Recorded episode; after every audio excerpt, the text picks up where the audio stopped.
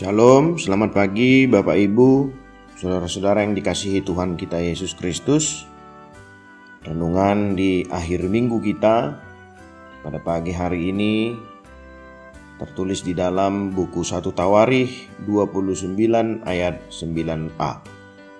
Bangsa itu bersukacita karena kerelaan mereka masing-masing, sebab dengan tulus hati mereka memberikan persembahan sukarela kepada Tuhan. Demikian firman Tuhan. Persembahan adalah gambaran sukacita. Pengenalan dan pengalaman Daud bersama Tuhan, seperti yang ada dalam kitab-kitab yang dituliskan, menunjukkan bahwa Daud memiliki konsep atau pemahaman dan keyakinan yang mantap mengenai Tuhan yang disembahnya.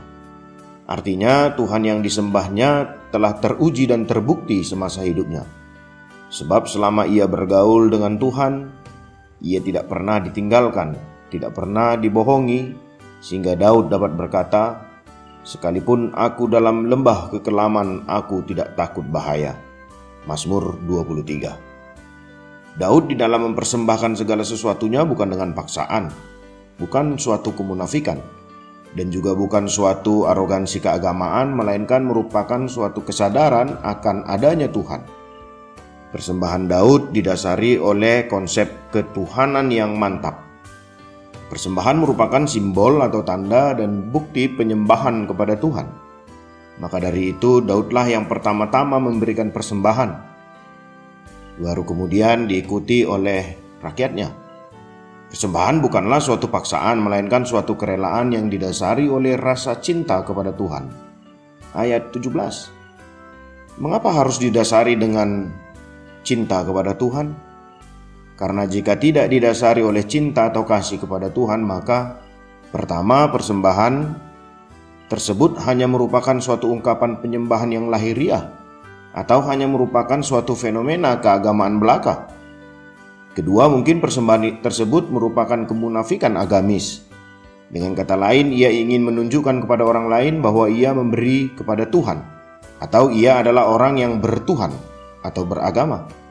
Inilah yang disebut sebagai kemunafikan agamis. Meski bukan Daud dipilih Tuhan untuk mendirikan rumah baginya, melainkan anak kandungnya yang bernama Salomo sang penerus kepemimpinannya, ia tetap mempersiapkan bahan-bahan apa saja yang diperlukan dan dipersiapkan guna mempermudah Salomo dalam membangun rumah Tuhan.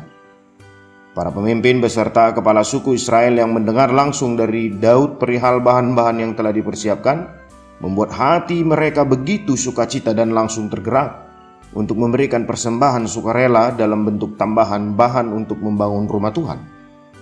Sukacita yang tumbuh dalam hati para pemimpin beserta kepala suku Israel dalam memberikan persembahan sukarela sama halnya dengan Nuh saat setelah sekeluar dari Batra.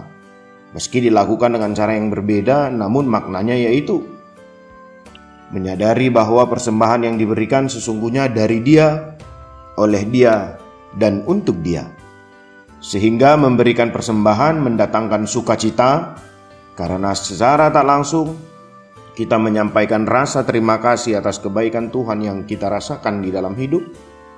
Persembahan tidak hanya diberikan dalam wujud uang, melainkan juga seluruh hidup kita, karena itulah persembahan yang sejati. Kembalilah kepada firman Allah. Tuhan memberkati.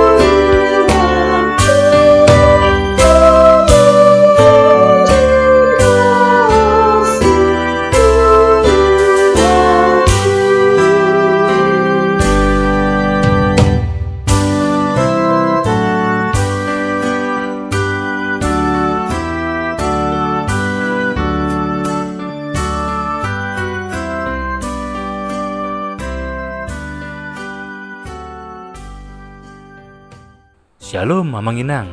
Terima kasih sudah mengawali hari dengan mendengarkan renungan hari ini. Yuk bagikan renungan harian ini kepada keluarga kita sehingga firman Tuhan itu tidak kembali sia-sia, namun berbuah dan terpelihara. Tuhan Yesus memberkati.